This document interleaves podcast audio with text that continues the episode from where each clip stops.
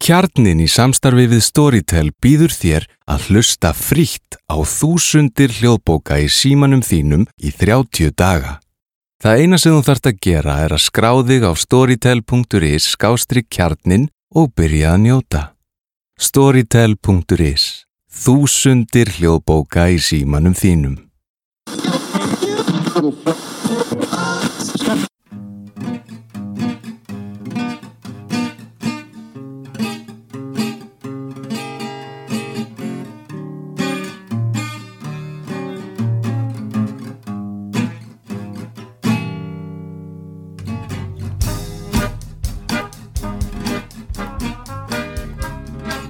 Velkomin í samtal við samfélagið hlaðvarp félagsfræðinar. Hjá mér í dag er Tim Bartley en hann er prófessor í félagsfræði við Washington University sem er í St. Louis í Bandaríkjunum. Tim laug doktorsprófi í félagsfræði frá háskólanum í Arizona árið 2003 og var lektor og síðan dósent við Indiana háskóla og háskólan í Ohio áður en hann flutti til St. Louis. Rannsóknir hans eru á sviði stjórnmála félagsfræði, félagsfræði efnahagslífsins og stopnana, vinnumarkasfélagsfræði og umhverfisfélagsfræði. Hann hefur skrifað fjöldafræðigreina og nýlega kom út bók hans Rules Without Rights, Land, Labour and Private Authority in the Global Economy hjá Oxford University Press. Tim er einmitt í rannsóknarlefi þessu önnina og dvelur við háskólan í Konstans líkt og ég. Ég skipti nú yfir á ennsku. Velkom Tim. Thank you. Nice to be here, Sigrid.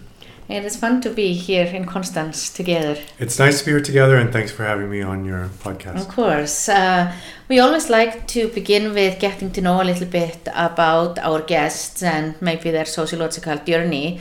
So if you could tell me about like where did your initial interest in sociology come from that then led you to pursue graduate studies in the field? It's hard to pinpoint an exact moment, but I think uh, as far back as high school, I can remember kind of having vague uh, wonderings about the nature of society and this thing that exists above and beyond the individuals that inhabit it. I took a sociology class in high school and I hated it. Oh. And then sometime in college, before I became a sociology major, I took a couple of courses, um, including one where we read uh, Peter Berger and Thomas Luckmann's Mm. Social Construction of Reality, and that might be what did it. And then I be and and at that point I got um, sort of heavily into social theory and didn't know anything about empirical research and uh, then went to grad school and learned about this the practices of empirical research and ultimately maybe about bringing the theory and the empirical research together Mm. And you went to University of Arizona. What was that like? it was great it was an, an excellent place to be a graduate student uh, especially at that time so from the uh, sometime in the early to mid 1990s uh, for the decade that followed, it was kind of the hotbed of research on the sociology of organizations, social movements, and economic sociology. And these were things I didn't quite know about when I started graduate school, but I became, I think, pretty fairly well versed in just by being in that setting. Um, I learned a ton from my fellow graduate students as well, and it was a it was a fun and really enriching place to be. Mm. And what was it like to live in Arizona? It was great, actually. Uh, at first, the desert was a little bit oppressive, but uh, it doesn't take too long before you get used to it, and you learn the tricks of, you know, doing a lot of things in the mornings in the summers and uh, seeking shade, and uh, and actually, if you are in the shade, even on a really hot day in Tucson, it's not so terrible. Mm. As actually, if you're in the shade and you're sitting, you're standing still or sitting, it's not so terrible. Yeah, we People who are doing manual labor in the Arizona heat, I think, have uh, very hard, very hard existence. But uh, graduate students do pretty well. Yeah, we actually went there during graduate school from Indiana once. Um, and it was very cheap in July, I think. But precisely what you're saying, you just Yeah. got up early, you found a shade, and you did things in the evenings. July's not the time to go, but Yeah. basically, uh, the whole year except for July and August, it's it's nice. It's a beautiful place. There's mountains all surrounding the the city. You can drive 30 minutes in any direction and find a really nice place to hike, and it's just a beautiful spot. And it seems like the strength of the department were really some of the areas that you're still doing research in. So how was sort of the process of figuring out exactly where you fit in with sociology and maybe ultimately like deciding what you wanted to do your dissertation work on. Yeah, it was a long and probably somewhat arduous process. And for most of graduate school, I didn't know what I wanted to do. I wasn't one of those people that Mm. came in with an agenda and a project in mind. I was truly clueless Mm. at the beginning. And so I think two things happened. One, I started working with people like Mark Schneiberg, who was an economic sociologist who studied regulation Mm. and sort of the intersection between politics and economic processes, and people like Liz Clemens, who were sort of uh, studying organizations and political sociology. Uh, and they were working on mostly historical cases in the U.S. Uh, part, points of parts of American history from 1850 to 1950. Um, but I was I kind of connected with them theoretically and learned a ton from them. And at the same time, I started getting involved as an activist in anti-sweatshop campaigns, uh, which were sort of what was happening on college campuses at the time. This was the period in the late 1990s when Nike was kind of first becoming a big target of anti-sweatshop groups, and the movement was really growing on university campuses throughout the U.S. And so I, I was doing that work kind of on the side from the work I was doing as a, as a graduate student. And at some point, I thought maybe I should try to combine these things a bit. And so from the anti-sweatshop activism I was doing, I had this interesting global globalization and global supply chains and the regulation of global supply chains. And from the academic side, I was learning about organizational theory and theories of economic processes and regulation within sociology. And took a while, but over a year or two, I tr- sort of figured out some ways to merge the two. Mm. And that's probably what I've been doing ever since in some ways. Yeah, and what was your dissertation on? So it was on the emergence of private forms of regulation uh, in the global economy, dealing uh, with, on one hand, labor standards uh, that were adopted by companies in response to anti sweatshop campaigns, and on the other hand, uh, sustainable forestry standards. Uh, that were adopted by timber companies trying to prove that they were harvesting Mm. forests in sustainable ways. Mm. And so, what I noticed, the kind of starting point for the dissertation was to notice that there were similar forms of what I eventually called transnational private regulation emerging in these two very different arenas. Um, and so, the dissertation, the goal of the dissertation was really to try to understand processes of emergence uh, and why the two dynamics looked so similar, Mm. even though they were focused on different issues and different industries. Mm. So I did um, interviews with the people who had kind of developed these private regulatory systems. So these were people from NGOs like Greenpeace, WWF, um, human rights NGOs. There were people from companies like Nike and Adidas. Um, and they were people that had been involved in, in government uh, during that time as well uh, because even though these were private forms of regulation, they were sponsored in some ways by by government, especially particularly in the U.S. Mm. And how did you get access to them? Uh, and did you have to travel to do the interviews? So- or- Yeah, I did. You know, I mostly traveled within the U.S. Hmm. and I was lucky to be able to do a lot of them in certain parts of the U.S. So I spent most of the time in New York, Washington D.C., and San Francisco area, and that's where a lot of things were Yeah. happening. Um, I traveled a bit outside the U.S. You know, one of the initiatives that I studied, uh, the Forest Stewardship Council, uh, which I've continued to study, is is one of the leading eco labels for wood and paper products. And at the time, it was based in Oaxaca, Mexico. So I traveled there just to talk with people, to interview people uh, there as well. In terms of getting access, you know, the the secret of the the dirty secret, dirty little secret of interview researchers is people really want to tell you their story yeah. if they think you're trustworthy and actually paying attention. Mm. And so, I mean, I had a few c- contacts that I had made through the anti sweatshop activism. And I was helped a lot by some other researchers in the field who kind of very generously shared some of the contacts they had. And then that then snowballs into more and more people to talk to. And I've obviously didn't get everyone that I wanted, Mm. but for the most part, once you once I kind of proved to people that I wasn't out to like show that they were um, they were bad in some way to try to do an expose or something, and I was able to show them that I actually knew something already about what they were doing, like I had read all the background materials and I could ask intelligent questions.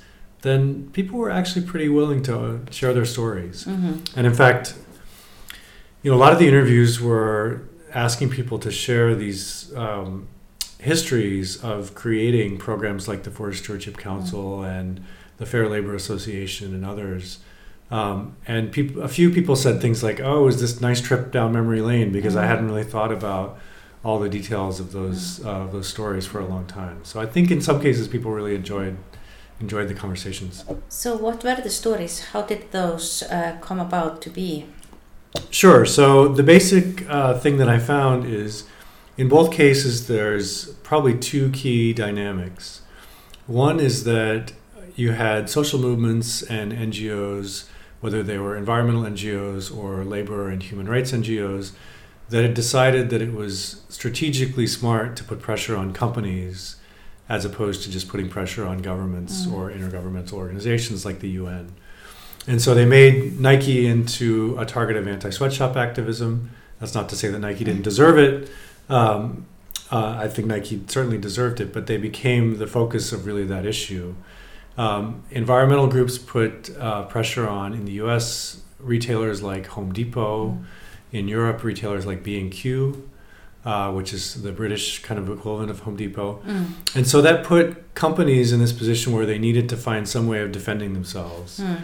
And this created sort of a demand for some set of standards that had credibility that companies could uh, sign on to and say they were using to promote not exploitation and environmental degradation, but fairness and sustainability. Mm. Um, the other piece, which is maybe a little, what I don't think researchers had really hit on as much um, prior to this, was that the pathways for governmental and intergovernmental regulation were somewhat blocked. And so a lot of attention ended up focusing on the private sector and building these private non state forms of regulation. Mm. And the reason they were blocked, that it was really difficult to get governments and intergovernmental organizations like the UN and the World Trade Organization on uh, to take up these issues, was in part just normal politics, but also um, neoliberalism and the rules that had been created around that actually hindered what governments could do to regulate international trade. Um, and it, in some ways, actually kept governments from being able to respond as much as some would have liked to these activist campaigns. But it also encouraged governments to then uh, get the private sector to do that work for them because private sector actors aren't bound by those rules of the WTO, for instance. So that was one of the things I hit on that I think was a bit novel, and um, maybe what maybe the most novel piece of that Mm. of that early research. And you're really, I think, with many of those today, certainly in Iceland, the US, many European countries, uh, even though we don't all necessarily behave in a way that like increases sustainability or fair trade or some, but it clearly is something that people are aware of. But you're really doing this sort of at the beginning when we're starting to think in this way. So when I started this was probably about 1999. Yeah. And you know there were fair trade labels, there were organic labels, and they were growing. And there Mm. were some eco labels, um, especially in Europe, already in existence. But for the most part, this world of labels and claims about sustainability and uh, conscientious consumption didn't really exist. Mm. You're absolutely right. And um, I, I w- I certainly wasn't among the first to study it, but it was at a time when we didn't know very much as Mm. researchers about how that how all that worked. Now, the practice of it has exploded. There's just a um, literally hundreds uh, of, of labels uh, promoting sustainability and fairness in the global economy. Um, fair trade, sustainable forestry, fisheries, uh, soy farming, beef production, uh, programs on labor and human rights in the electronics industry, apparel industry, toy industry, various food industries, and it's just now there's so much that it's actually hard to keep up. Mm. Um, but that certainly wasn't the case even I think 15 years ago. Yeah. And then you finish your dissertation and you start a tenure track job at Indiana University. What was it like to sort of transition from graduate school to being a faculty member? Yeah, in some ways it was like going to graduate school all over again in a good way. So it was a it was a great first job and it was a wonderful place to be. And part of what made it so great and really educational for me was um, there were quite a few young faculty there. I think Mm. when I started, there were 10 junior faculty, that is, people who were uh, prior to the tenure, Mm. uh, tenure decision. And we all had a lot in common. Um, and we had a sort of a working group where we read each other's papers and often tore them to shreds, but there was something constructive that came out of it. And so that, and, and people got along personally very well. And so that was a really fun, but also a really, a really useful group. And I Mm. learned a ton, a ton from them. Um, maybe a few of them you've talked to on this, on this podcast in the past. Brian Steensland, I think. I has not been You on haven't it done yet, Brian- haven't? but I mean, or Fabio, if you haven't. No, Okay. but. I mean, they are welcome anytime. More, I think actually Bernice is the only Indiana faculty Yeah. who has so far been on it, but a lot of the graduate students, and I think it is very, as you're saying, both with graduate school and starting your job in academia, one of the things that we may not talk about or realize is the importance of community Yeah. and going through the process with like peers that are both sort of very critical but also supportive. And I think, uh, you know, often people end up really isolated. You've done your dissertation and now it's time to sit in your office and type forever and Yeah. not stop until you get tenure somehow. And that's really hard to do and really alienating. And so it was good to have um, a community of people that Mm. you could talk to sort of candidly. Yeah. And, you know, it was a, because of people like Bernice, it was also a really top notch department. So it functioned well. Um, I learned a lot from my senior colleagues as well Mm. um, and a, a ton from my senior colleagues. And uh, there were good graduate students, so I learned a lot from from teaching as uh, teaching there as well. Mm. So it was a it was a great job to get. I feel super lucky to have to have gotten it. Yeah. And actually, it, it was maybe this is an aside, but my original interview was really not in sociology. It was through Elinor Ostrom had a center on institutions, population, and environmental change, and that is the job that I actually interviewed for. And it would it was intended to be connected to some other department, and then in the end, sociology ended up being maybe a little more interested in me than uh, than the uh, Ostrom Center, Mm. although they were as well. And I ended up with a connection to, to both. But Yeah. uh, but so I really got lucky to end up really fully in sociology. Yeah. And thinking, and I, um, I don't know if you picked up on the word that I said repeatedly when I was doing the introduction, the word of félagsfræði, which is sociology. Ah, And I think one of the things that we see when we look at your research agenda, it covers a lot of different sort of major areas in sociology. So uh, it makes it a little bit hard to decide what to focus on and where to start. But I think it would be interesting to maybe go like from graduate school to you know maybe your most recent work, and you recently published a book. Um, uh, that came out in 2018. Um, could you maybe tell me a little bit what the book is about? yeah. It's not hard to go from sorry. It's not hard to Yeah. go from graduate school to that book, even though it's um, you know 15, 15 plus years in the making. It's about essentially the same thing. It's about these attempts to certify forests as sustainable and factories as fair and having decent Mm. working conditions. And there's one huge difference, Mm. um, and the reason it took so long to do, which is um, I'm now interested not in, in the, the emergence of these programs, but in their impact on the Mm. ground. And this is, of course, the question that everyone asked me way back in the dissertation. Well, you've told us a nice story about where this comes from, but what difference does it really make? And that Yeah. ends up being a really hard question to answer, in part because most of the places where you want that impact to occur are faraway places. It's not about, uh, to some degree, in forestry, it was also about the U.S. and and Western Europe, but in, for, at least in the labor standards case, this was really about uh, factories in uh, Southeast Asia Mm. and East Asia and China and uh, Central America and so on. And I wasn't someone who did research in those regions, but I basically became someone worked worked as hard as I could to become someone who did, did research in those areas. So So the book ended up being a comparison of two different fields of standards sustainable forestry and fair labor standards um, in two different countries, Indonesia and China.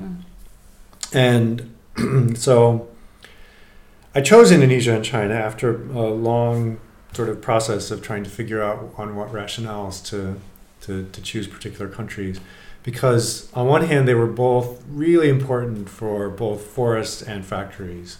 That is, they had big uh, export oriented apparel industries in both countries and big timber industries and furniture industries. And um, China, for instance, became sometime in the early 2000s like the world's leading exporter of furniture, which it hadn't been in the Mhm. 1990s. Um, so they were both kind of very important sites, important cases for these um, these programs that I was studying, but they differed in one crucial way, um, one of several ways, but one way that I thought was really important, which was Indonesia had become since the late 1990s uh, democracy. Mm. After the fall of Suharto, it really became quite quickly a functioning democracy, and there were uh, quite extensive reforms. China, of course, continues to be a sort of authoritarian government, a sort of unique form of authoritarianism, but one in which um, there's strong controls over civil society. Um, and so I, I thought that this actually could shape the way that these private regulatory programs operate and what they're able to accomplish. So, Uh, yeah, I could go on and tell the story of how I did that, but that could take a while too. Well, that we, we have some time, but I think like, and I remember you spending quite a bit of time in China. I, I was able Um, to spend a semester as a visiting scholar in Guangzhou Yeah. at uh, Sun Yat-sen University, which was great. And I did a lot of the research in China there that, during that time, and then went back on shorter trips. And What Uh, does as it well. like to live in China? I think for many of us, it's just a society you don't really can even imagine what it's like.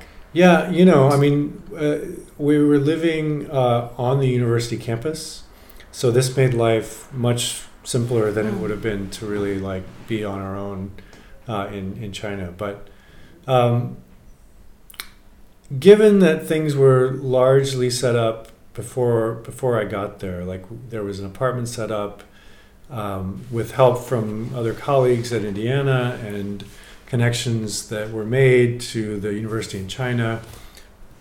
Um, there was a graduate student who was available to to be my research assistant, um, and so they really kind of made everything relatively easy. Yeah. So in that sense, um, it wasn't too hard to kind of get set up, and the the research assistant was able to do um, translation, interpretation in in interviews.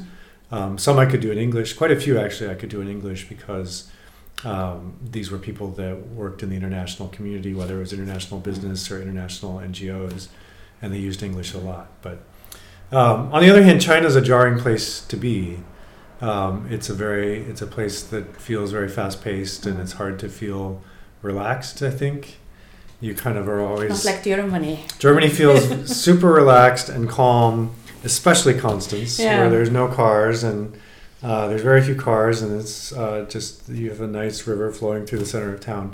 Guangzhou was a nice place to be, but um, it felt very much like a you know a buzzing, buzzing Chinese city. Um, but I think overall, I had a I had a really good experience there. And you mentioned that you were doing some interviews. Um, so who were the people that you were mainly talking to? And was interviews, was that your main method that you used for your research? Yeah, it was a wide range of both people I interviewed and different types of data. Mm. And so my approach was uh, get as much as you can. Um, and I generally am a researcher that uses kind of both qualitative and Mm. quantitative and even a bit of not deeply historical methods, but a kind of I'm influenced by historical sociology as well. Yeah. So, um, so I felt like my job was to cobble together as much evidence as I could possibly get about what these global standards look like when they hit the ground. Mm. So, in both Indonesia and China, I talked with um, people from companies, international companies um, that had offices there that were in charge of sourcing and sometimes also uh, in charge of like checking the compliance of factories and timber operations with uh, these these standards that, that emerged. I talked to people from NGOs, both big big NGOs, um, again labor and human rights NGOs and environmental NGOs that had their kind of local outposts in Beijing or in Mm. Jakarta. And then I also was able to talk to quite a few domestic, local NGOs, um, and Indonesia also uh, local trade unions, which was really fascinating. And that, that was probably maybe the most um, enriching part of the whole thing because in both cases you have uh, civil society that's interested in promoting the rights of migrant workers, um, uh, the well being of forest dwelling communities, sustainable use of resources, and so on. Um, although they operate in quite different ways in Indonesia and China. But in both cases, people were fairly open.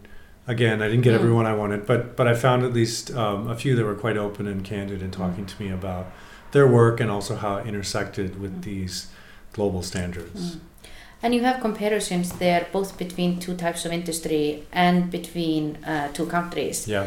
Uh, what were sort of the main story that you found and maybe both then in terms of similarities and also differences? Yeah. So um, I'll start with the cross country difference because it's related to the civil society Mm. uh, uh, uh, dynamic.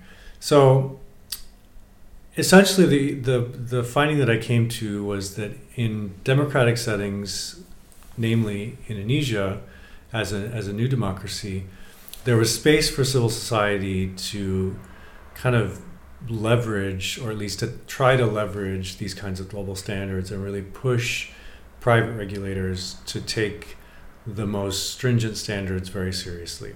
So, for example, um, Nike has a standard. Adidas, H and M, all the big apparel and footwear brands have standards that say, among many other things, they say things about uh, uh, wages, hours of work, health and safety, and they also say workers should have the right to join unions Mm. uh, and trade unions of their choosing, and employers shouldn't impede that. Right? This is the freedom of association rights. Well, in Indonesia, um, there are actually trade unions, and there were like newly created independent trade unions that were trying to organize in factories producing for Nike, the Gap, Mm. H and M, uh, Adidas, and so this became a real test of whether those brands would really stick with that with that commitment. And of course, they didn't in most Mm. cases. They they did to some degree in some cases, but but what you saw was that there was a huge amount of contention uh, around that issue. Um, and it was allowed. It was actually sort of facilitated by a democratic context.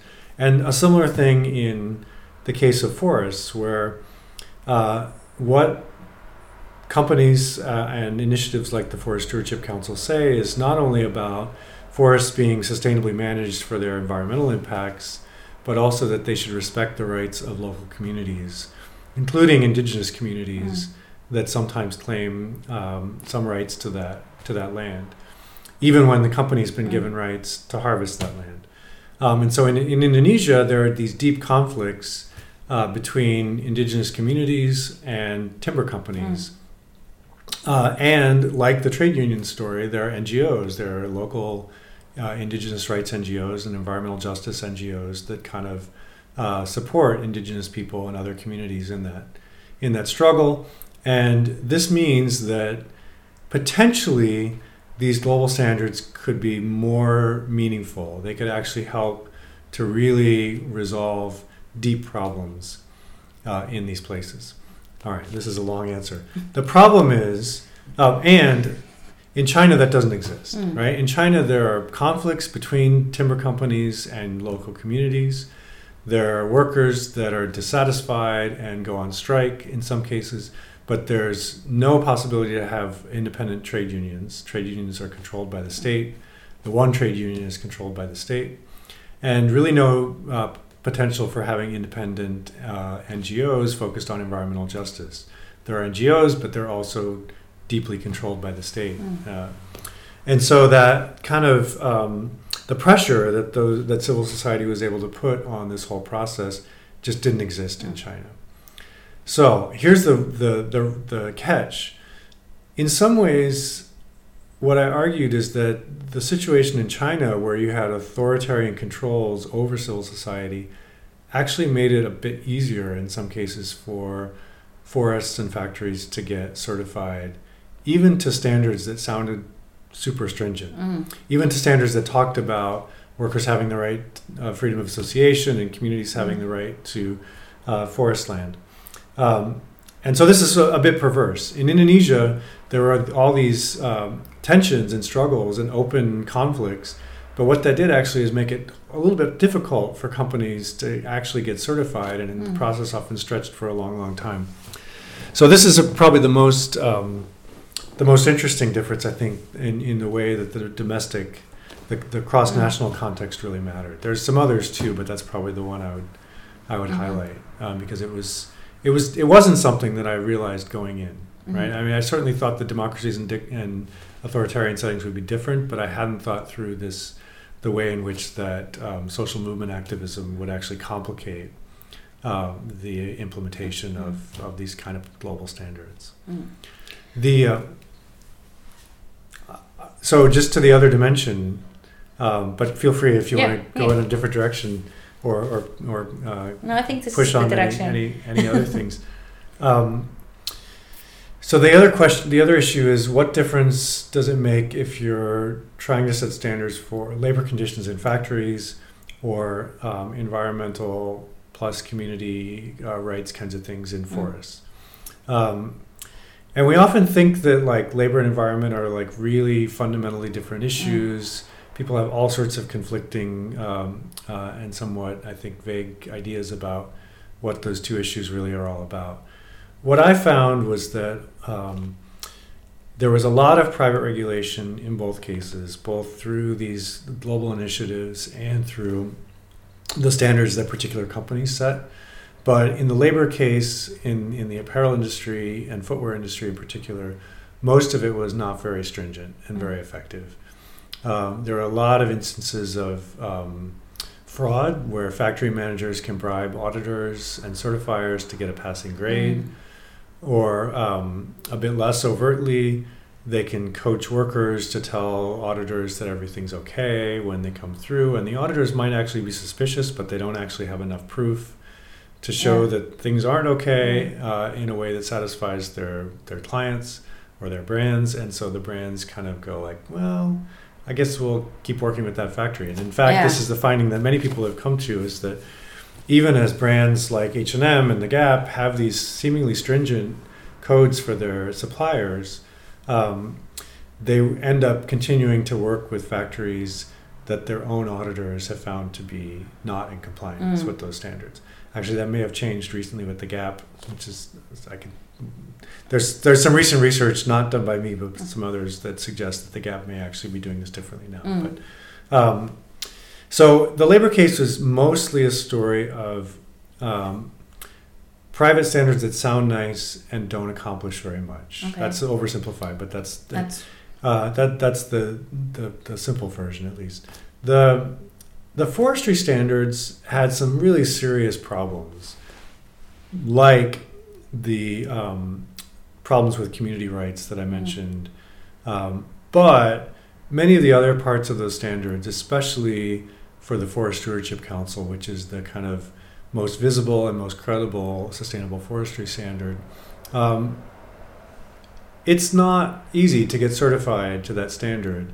And uh, timber companies had to do a lot. They had to make a lot of changes in the way they managed the forest to really meet meet that meet that bar.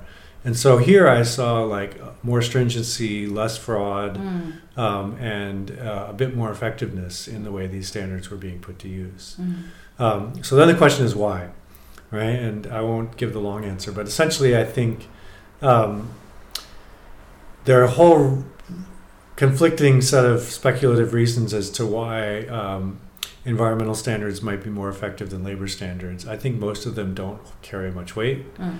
Like we think that maybe environment is more technical and labor is more social, but that turns out not to be true if you look at forests, especially, or that environment is more um, open to kind of win-win settlements where environment wins and business wins and consumers win and community wins and everyone wins, whereas labor is this deeply conflictual thing between managers and workers.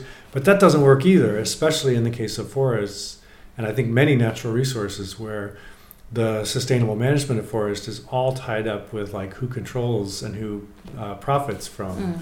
the forest. So I ended up arguing that it's really not that labor and environment are inherently different, but they sort of developed different. Um, they developed differently in terms of forms of private regulation. Mm.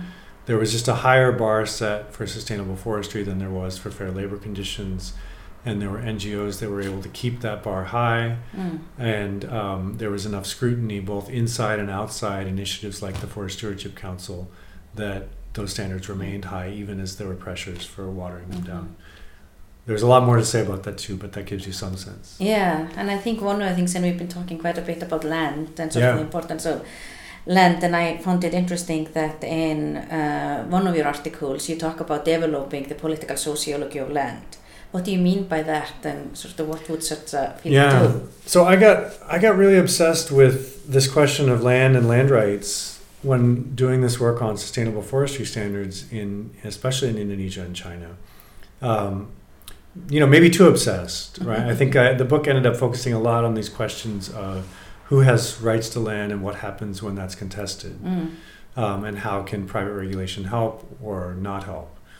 Um, and when I finished the book, I, I mean, even as I was writing the book, I figured, I, I realized that, you know, within American sociology, within most, at least mainstream American sociology departments, land is just not something we talk about very much. Yeah. Now, there's rural sociology, uh, which talks a lot about land, but it's sort of, it's got its own journals, Mm. it's got its own association. In many ways, it's not, in some, uh, some cases, its own departments. Um, and in many ways, it's not really connected to what the rest of sociologists are thinking about. And so this just struck me as sort of weird and unfortunate that as sociologists, we don't actually think much about land, Yeah. even though, like, so many of the conflicts around the world, environmental, political, uh, and civil and ethnic conflicts are about access to and control of land. Exactly. That I thought, well, maybe I should try to say something about this. right? Yeah. So I didn't figure out exactly what a political sociology of land looks like entirely, but I organized um, an issue of this journal, Research in Political Sociology, on the politics of land, Yeah. and uh, got a number of submissions of really interesting papers that covered everything from fracking in the U.S. Uh, to um, land grabs in uh, Senegal and uh, land use regular uh, uh, soil regulation in the EU and everything else in between. Mm. Um, and, and it generated, I think, a really interesting uh, set of papers and some interesting insights about um, what we should be doing as political sociologists to, to take more account of land. So, th- what I tried to do, there's a, a, a paper, an article that was my kind of introduction to the whole thing that tries to sketch out um, some ways in which land is maybe a bit unique compared to other things that political sociologists tend to study. So, for instance, it's fixed in place in a way that many other uh, resources that people come into conflict about aren't fixed in place, Mm. and that has a whole whole series of of, uh, of consequences. Um, it's often tied up with kind of national and cultural identities um, in a really tight way Yeah.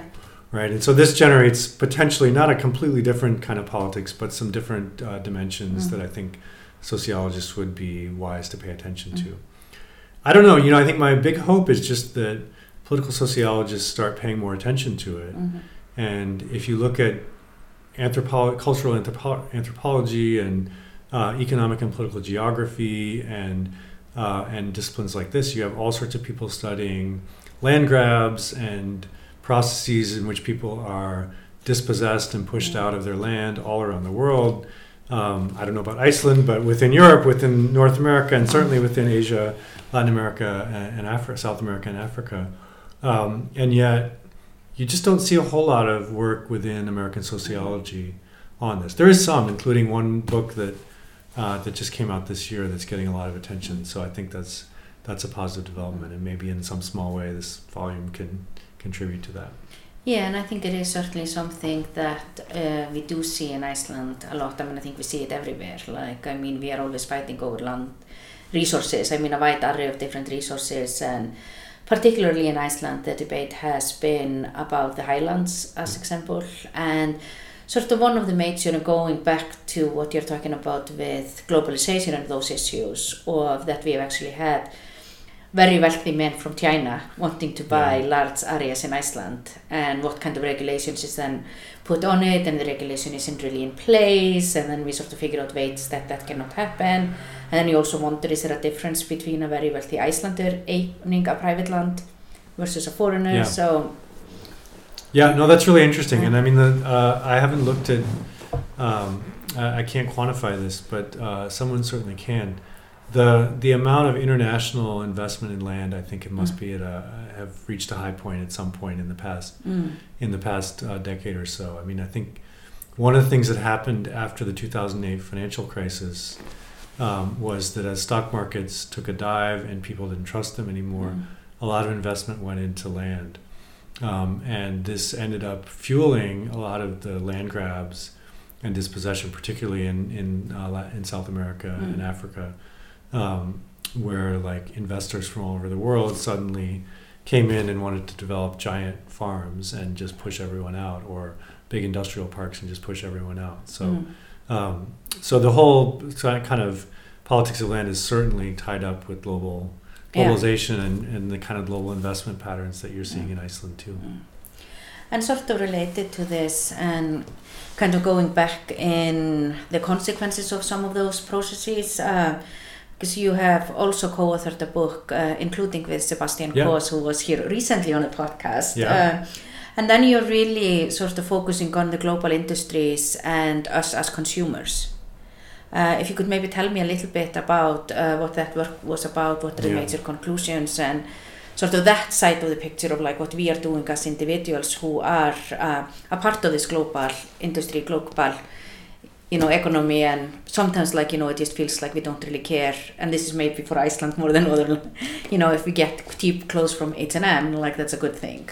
Yeah, so I mean, it's clear that many consumers um, have some interest in caring about Yeah. even quite distant forms of environmental degradation and human rights, but when it comes down to it, most of us don't act on those. Mm.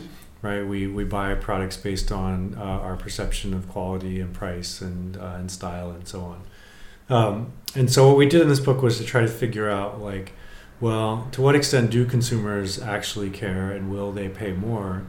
Um, we didn't do our own research on that, but we tried to kind of puzzle through the existing research, and um, and what does that mean? Mm. Uh, what does that mean in terms of like the the uh, the political uh, practices of consumers themselves, and then what does that mean on the ground in f- industries that produce Mm. different products?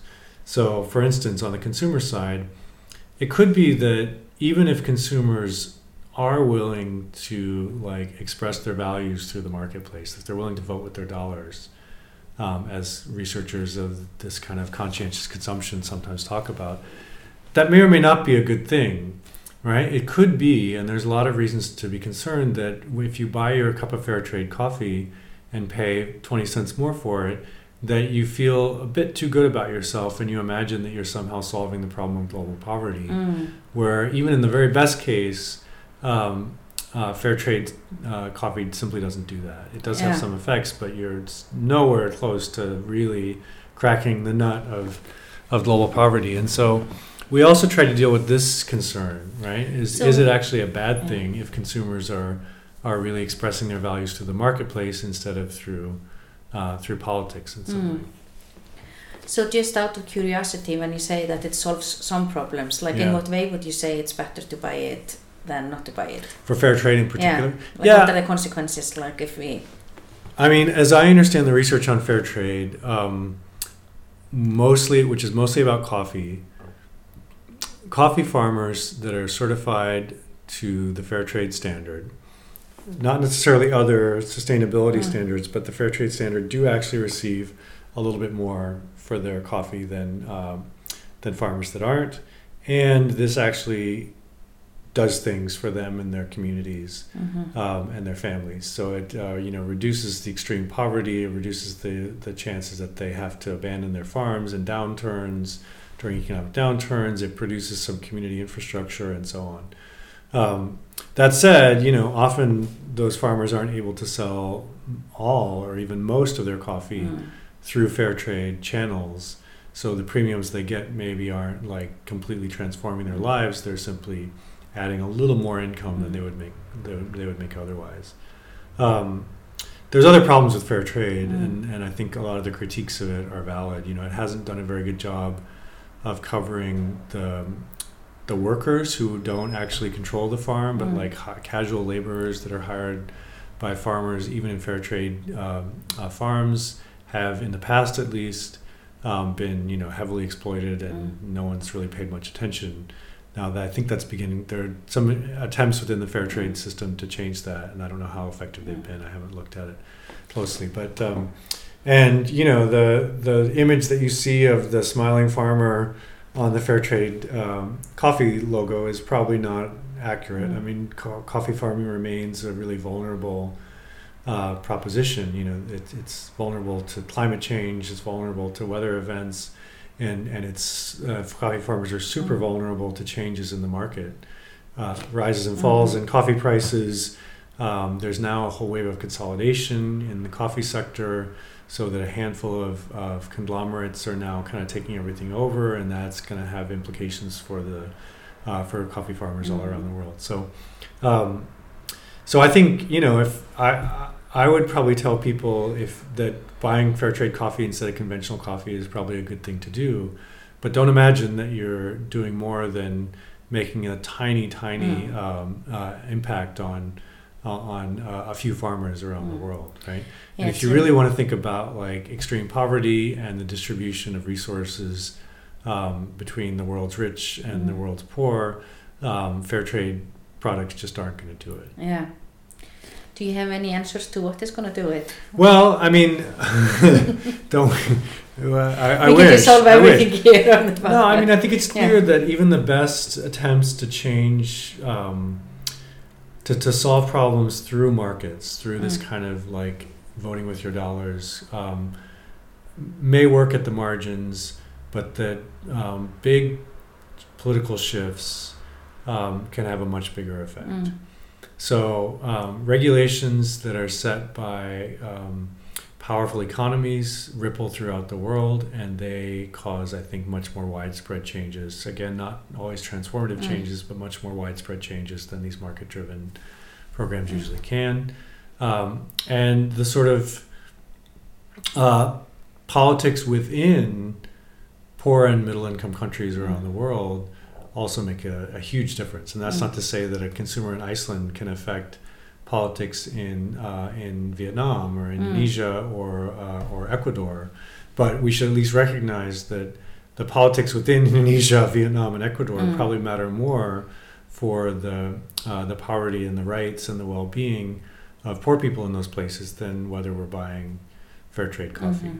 So, to the extent that uh, we, as citizens of uh, of the world or of whatever country we happen to be in, have a chance to promote sort of decency and fairness in politics around the world. I know we're a long way from that in uh, in the U.S. in particular right now. Um, we should see that as part Mm. of our duty, right? As part of our obligation, not just to uh, uh, to pay a little more for our fair trade coffee. Mm. And I think based on the issues that we've been talking about so far, it's very clear that uh, we have learned a lot from your research, but there is still a lot to be learned. And one of the things that is really wonderful about being on a sabbatical is that you actually have some time to do research. Uh, so maybe sort of in the end and to wrap things up, what is it that you are currently working on uh, and what are you sort of hoping to accomplish during your stay here before you Yeah, go back so to one of the teaching? One of the things I've started doing, and uh, Constance uh, has been a great place to do it, is working on a survey experiment. Actually, a couple of them, but um, you know, the the cluster on the politics of inequality here in Constance, which I'm affiliated with, has a number of really excellent expert uh, survey researchers, and that's not something that's been my uh, my main emphasis in the past. Um, but I got interested in the um, the way that people perceive these kinds of forms of private regulation that I've been talking about, as well as uh, public regulation and the p- possibilities for political action to tr- change conditions in global supply chains.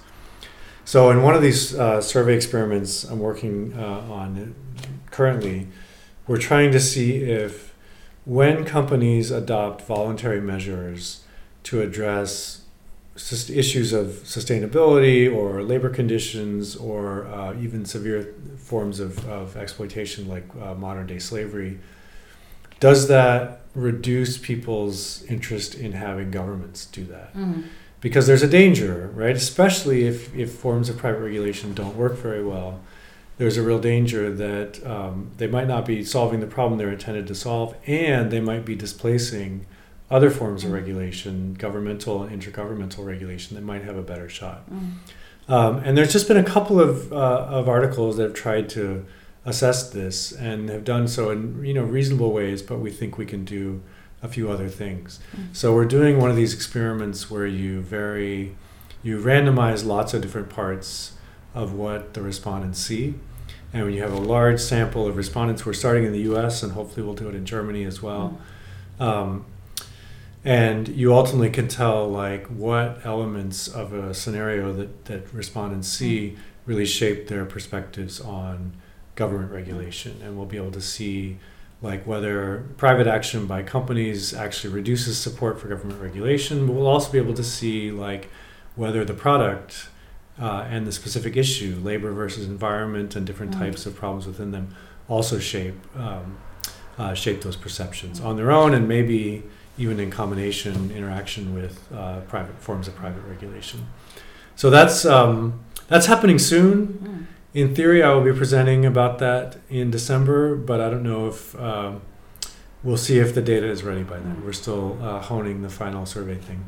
The other project that I uh, am going to start in the winter in the spring uh, is about a shift from sustainability to legality. Mm. Um, so for the last 20 years, concerns about global sustain or global environmental problems have largely been framed around sustainability, and they've been attempts to get consumers and companies to um, adopt voluntary get consumers to encourage companies to adopt voluntary standards to promote sustainability, like the kinds of cases that I've studied. Um, and those have produced some things, but they failed in many in many cases. Um, in the past 10 years, this new approach has started to arise, which um, requires products that are sold in a market like the EU, any of the EU countries, or the US, to be produced legally wherever in the world they were Mm. produced. And legal means not to the laws of the EU or to Iceland or Germany or to the US, but to the laws that are on the books in the country where they're being produced, Mm. in uh, Russia or in Vietnam or in Indonesia or in Chile. And it turns out that those laws that are on the books are often um, quite strong.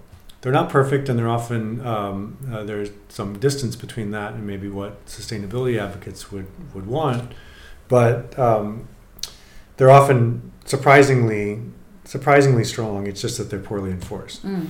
Anyhow, so there's been a real move to crack down on illegal timber, um, illegal fishing, illegal mining to some degree. Um, and there have actually been new regulations put into place within the EU and in some cases also in the US that penalize companies that sell products that have been illegally produced. Mm.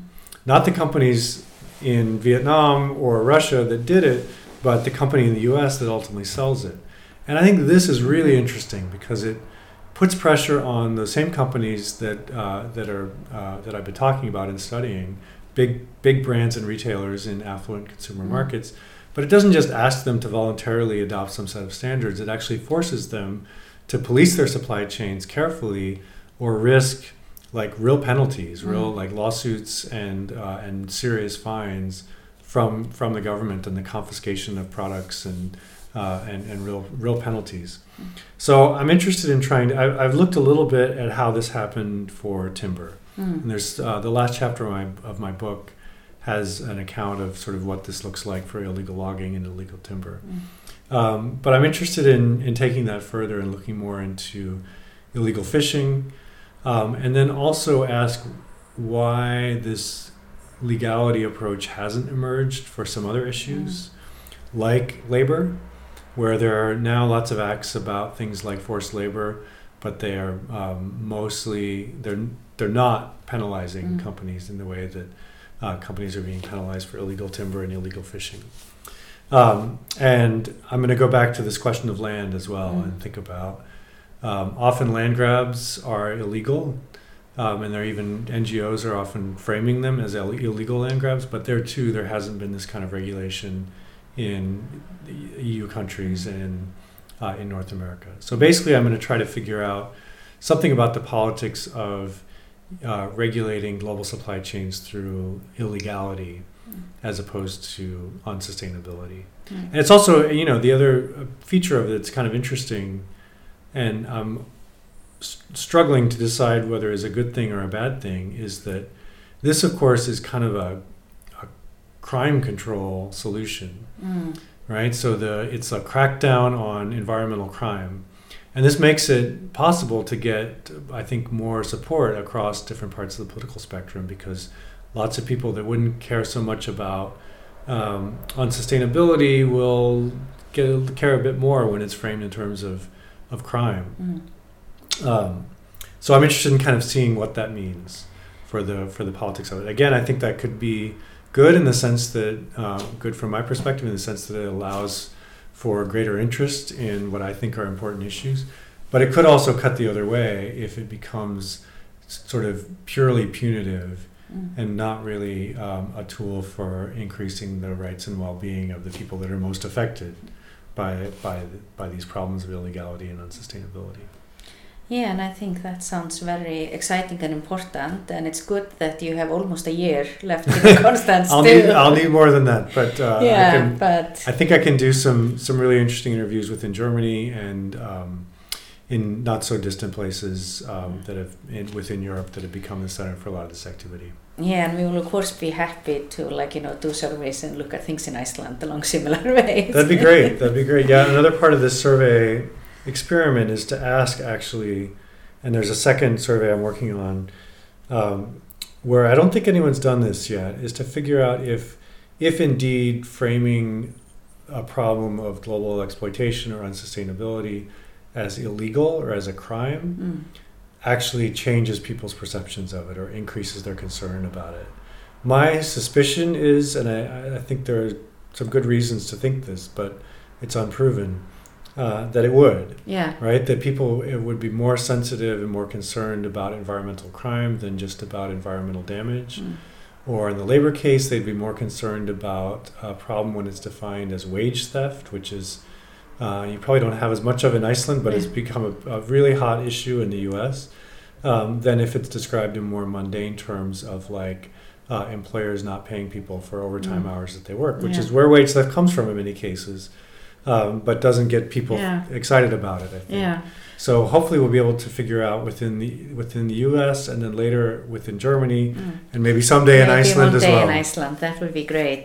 Uh, well, thank you so much for being here with us today. And Thanks for having me. Of I, course. I went on and on, but I think uh, we covered a lot of ground. We did indeed. Thank you. Thanks. Kjarnin í samstarfi við Storytel býður þér að hlusta frítt á þúsundir hljóðbóka í símanum þínum í 30 daga. Það eina sem þú þarft að gera er að skrá þig á storytel.is skástrík kjarnin og byrja að njóta. Storytel.is Þúsundir hljóðbóka í símanum þínum.